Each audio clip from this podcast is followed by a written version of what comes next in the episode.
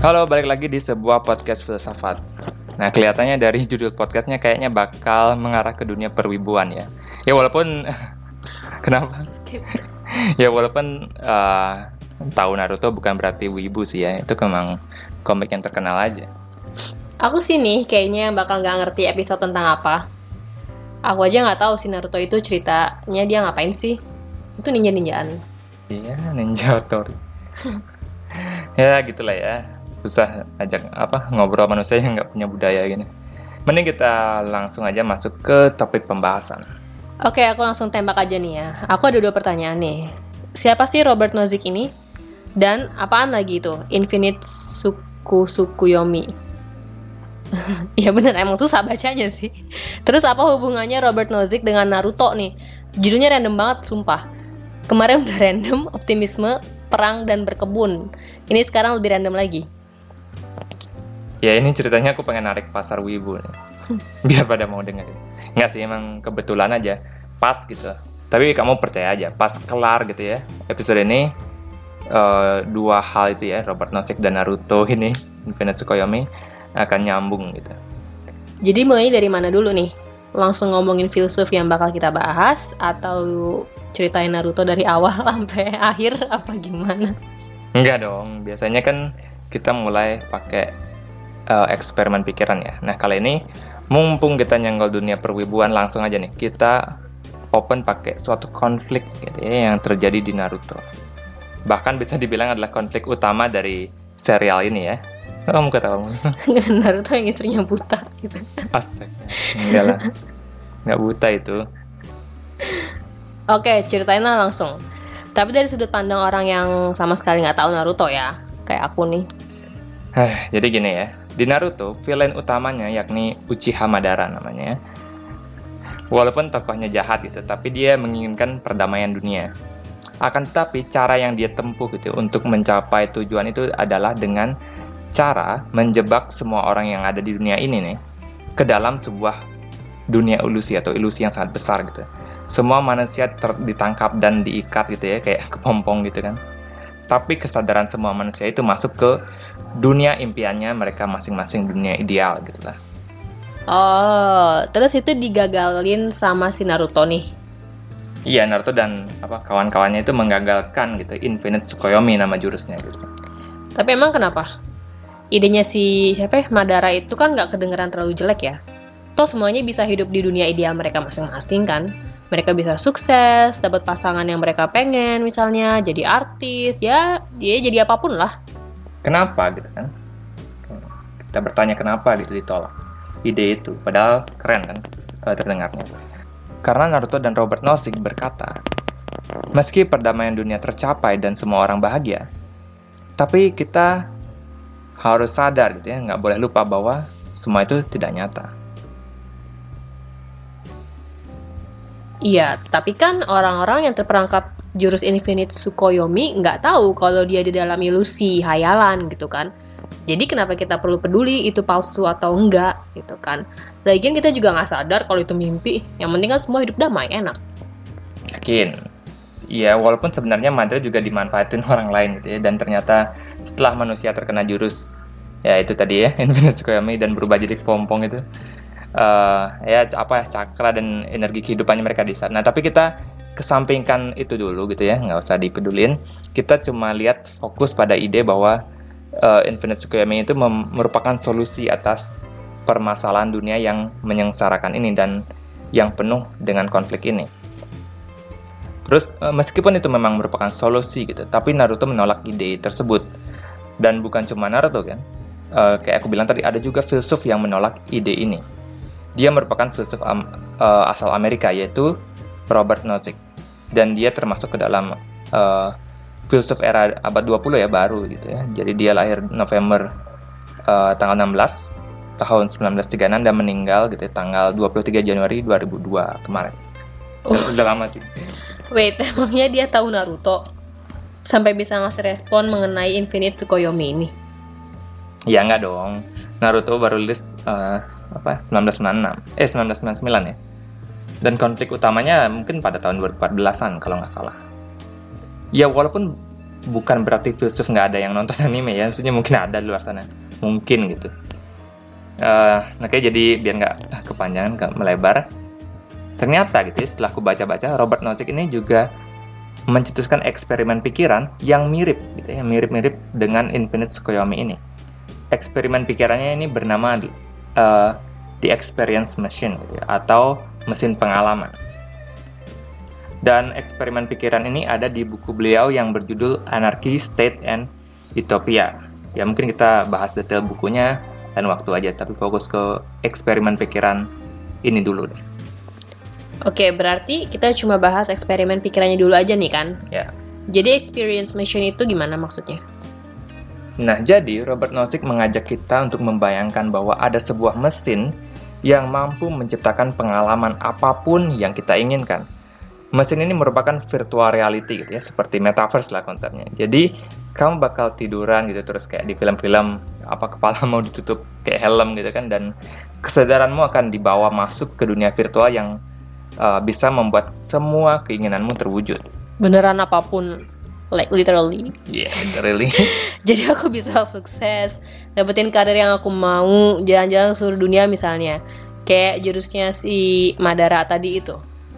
Iya, dan karena ini dunia virtual ya, ya apa pun bisa diprogram gitu kan. Dan lebih bagusnya lagi, sekalinya kamu masuk ke dunia virtual itu, kamu nggak bakal tahu kamu sedang berada di dunia buatan itu ya kayak mimpi aja kamu nggak tahu kalau kamu lagi mimpi dan selama di sana di experience machine itu tubuh aslimu akan dijaga oleh dokter-dokter gitu ya dikasih nutrisi dikasih apa pun lah yang dibutuhkan. Jadi kalau kamu mau kamu bisa seumur hidup ada di sana di experience machine itu.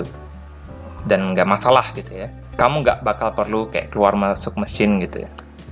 Oke nih berarti aku bisa aja dong hidup di sana terus-terusan dan nggak tahu kalau aku sedang berada dalam mesin gitu. Jadi aku bakal dapetin hidup yang luar biasa menyenangkan di sana gitu. Ya enak banget sih kalau kayak gitu. Ya berarti pertanyaanku masih sama kayak Infinite Tsukuyomi tadi. Ya masalahnya di mana? Masalahnya di mana? Banyak masalahnya sebenarnya. Tapi sebelum itu kamu jawab dulu nih. Robert Nozick bertanya, apakah kamu mau masuk ke mesin itu? Ya kenapa enggak? maksudku bukannya kita emang ingin sukses, karir lancar, punya pasangan yang ideal, ya tentunya ingin bahagia lah intinya gitu kan. Dan ternyata ada nih nih mesin yang bisa mewujudkan itu. Ya tapi kalau mesinnya cuma bisa bikin bahagia sesaat, misalnya mesinnya cuma bisa dipakai 8 jam sehari. Nah ya kalau gitu sih nanggung ya kan, baru agak malesin lah gitu kan. Soalnya cuma jadi mimpi sesaat aja. Tapi ini kan udah dijamin bisa seumur hidup. Dan kita nggak bakal tahu kalau kita sedang mimpi atau hidup di dunia virtual. Ya, apa bedanya dengan dunia nyata kalau kita nggak bisa bedain? Oke, argumen yang bagus ya. Itu adalah jawaban yang tepat jika hal yang kamu value atau yang kamu nilai berharga adalah pleasure atau kenikmatan. Bahwa ultimate goal kita dalam hidup adalah mencari kesenangan atau kebahagiaan dan menghindari rasa sakit gitu. Atau ketidaknyamanan dan hal-hal buruk lainnya lah dan tentu kamu tahu kan bahwa itu adalah merupakan bentuk dari view atau pandangan hedonisme, gitu kan mencari kenikmatan aja. Iya, tapi kan emang the whole point kita hidup ini kan ya we look for pleasure and avoid pain. Simpelnya sih gitu kan. Gimana kalau aku ngasih tahu kamu bahwa bukan cuma itu yang kita cari di kehidupan ini? Setidaknya Robert Nozick gitu ya, makanya dia nggak mau masuk ke uh, experience machine. Ini kata uh, Robert Nozick ya. Kalau emang kenikmatan yang kita cari ya, semua pasti mau masuk ke dunia uh, ke mesin itu gitu.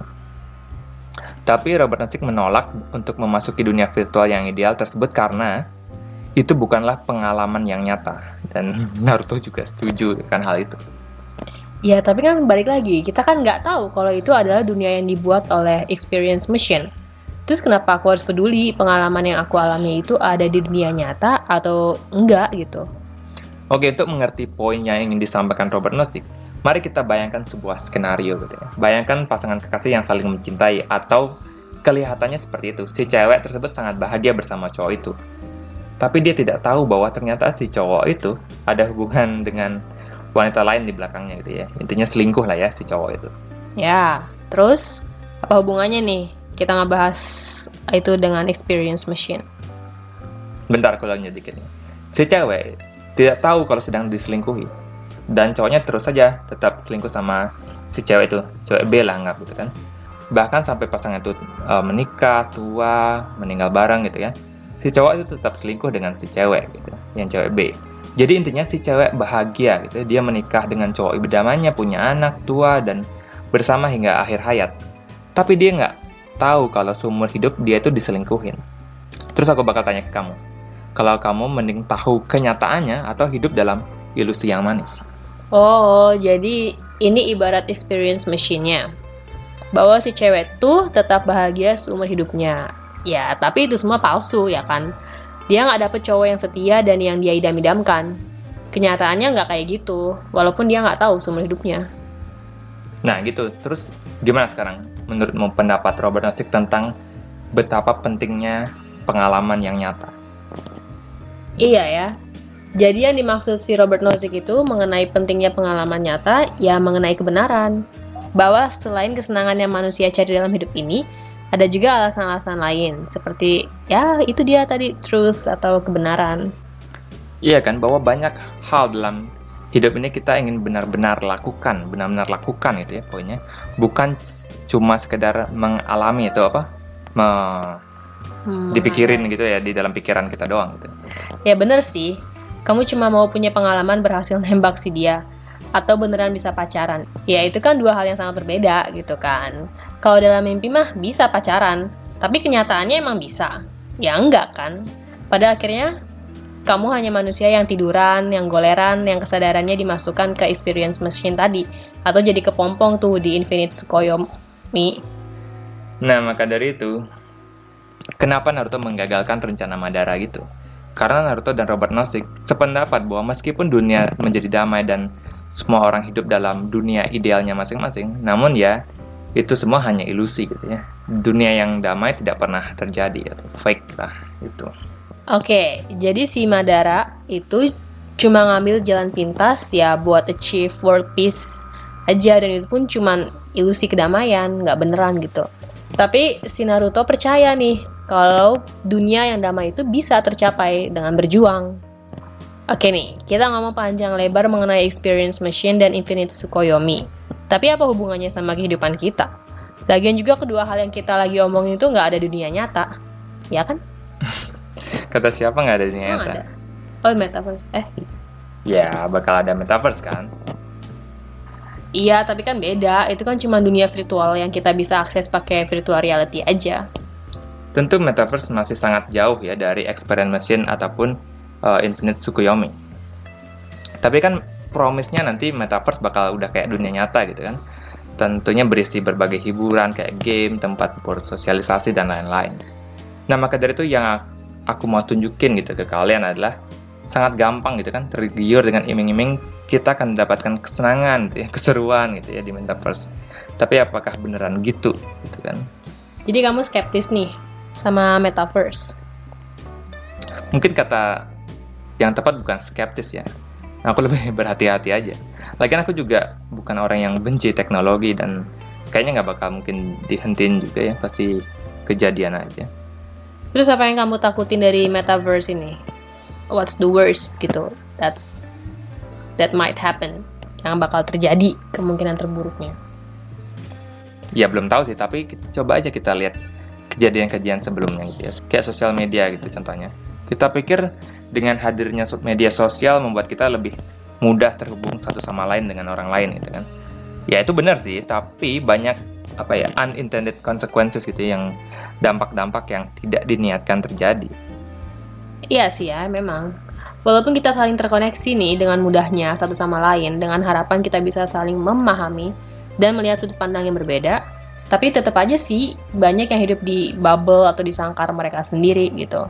Sosial media cenderung memberi mereka berita-berita yang sesuai dengan persepsi yang udah mereka percaya aja gitu. Akhirnya terjadi polarisasi yang ekstrim nih di masyarakat kita. Bukan cuma di Indonesia ya, tapi hampir di seluruh dunia kan kayak gitu. Iya, apalagi banyak juga studi yang menghubungkan antara media sosial dengan uh, kenaikan tingkat bunuh diri pada remaja. Ya walaupun hubungannya secara jelas belum terlalu dapat dibuktikan ya karena ya, tahu lah bahwa dunia ini kompleks gitu kan bukan satu hal saja yang membuat seseorang memutuskan untuk mengakhiri hidupnya, tapi mungkin ya mem memang sosial media tersebut bisa meningkatkan resikonya. Ya pasti ada hal atau dampak negatif lah dari suatu hal. Tapi kan pasti ada yang bisa kita lakukan gitu untuk setidaknya mengurangi dampak negatif itu yang mungkin terjadi. Ya makanya aku ngomongin ini, ngomongin experience machine gitu. Jadi setidaknya sebelum kita benar-benar mulai memasuki era metaverse mungkin ya, setidaknya dialog kontra narasi metaverse ini mulai ada gitu kan. Bukan cuma satu arah semua gas gitu ya semangat. Udah pada pengen banget ada metaverse itu memang harus ada kritikan-kritikan gitu terhadap suatu ide supaya kita bisa melihat kelemahan dan kemungkinan terburuk dari suatu teknologi. Tuh. Jadi kesimpulan yang aku bisa tarik dari episode ini adalah lebih ke pertanyaan apa yang kita cari pada hidup ini sih? Apakah hanya kesenangan semata yang kita cari atau ada hal lainnya? Dan ternyata ada, ya kebenaran itu tadi misalnya. Ya, pertanyaan besarnya itu tadi yang kamu bilang yakni bagaimana kita harus menjalani hidup kita. Gitu kan. Apakah kita harus cuma mengejar hal yang menyenangkan seperti para hedonis gitu? Atau seperti kata Robert Nozick bahwa ada hal lain di dunia ini yang harusnya menjadi patokan kita dalam hidup yang kita bisa nilai lebih daripada cuma kesenangan. Kalau Robert Nozick dia menilai kebenaran the truth itu lebih penting. Iya sih. Mungkin contoh lain bahwa tidak semua yang kita harus kejar adalah kenikmatan ya kayak sesimpel tergoda makanan ya misalnya kamu tahu udah kebutuhan kalorimu tuh udah cukup untuk hari itu tapi kamu memutuskan untuk nambah lagi nih bikin mie tengah malam pakai telur pakai hmm. kornet. Terus mungkin sekali dua kali ya oke okay lah ya untuk ya biar seneng gitu kan. Tapi in the long run untuk ke depannya apakah itu akan menghasilkan kesenangan? Mungkin enggak kan? Jadi ngomongin tentang cuma mencari sesuatu yang menyenangkan secara saat belum tentu akan serve you any good in the future gitu. Kayak cuma ya udah saat itu aja kamu kenyang seneng nah makanya hidup nggak sekedar mencari kenikmatan dan menghindari rasa sakit tapi sebaiknya kita memikirkan benar-benar baik-baik apa yang terbaik untuk diri kita hidup seperti apa yang kita mau kehidupan yang baik itu seperti apa itu adalah pertanyaan-pertanyaan yang perlu Anda jawab sendiri. Supaya nanti di garis finish, kalian bisa bilang bahwa aku sudah menjalani kehidupan yang baik. Aku Yoga. Aku Email. Bye. Bye.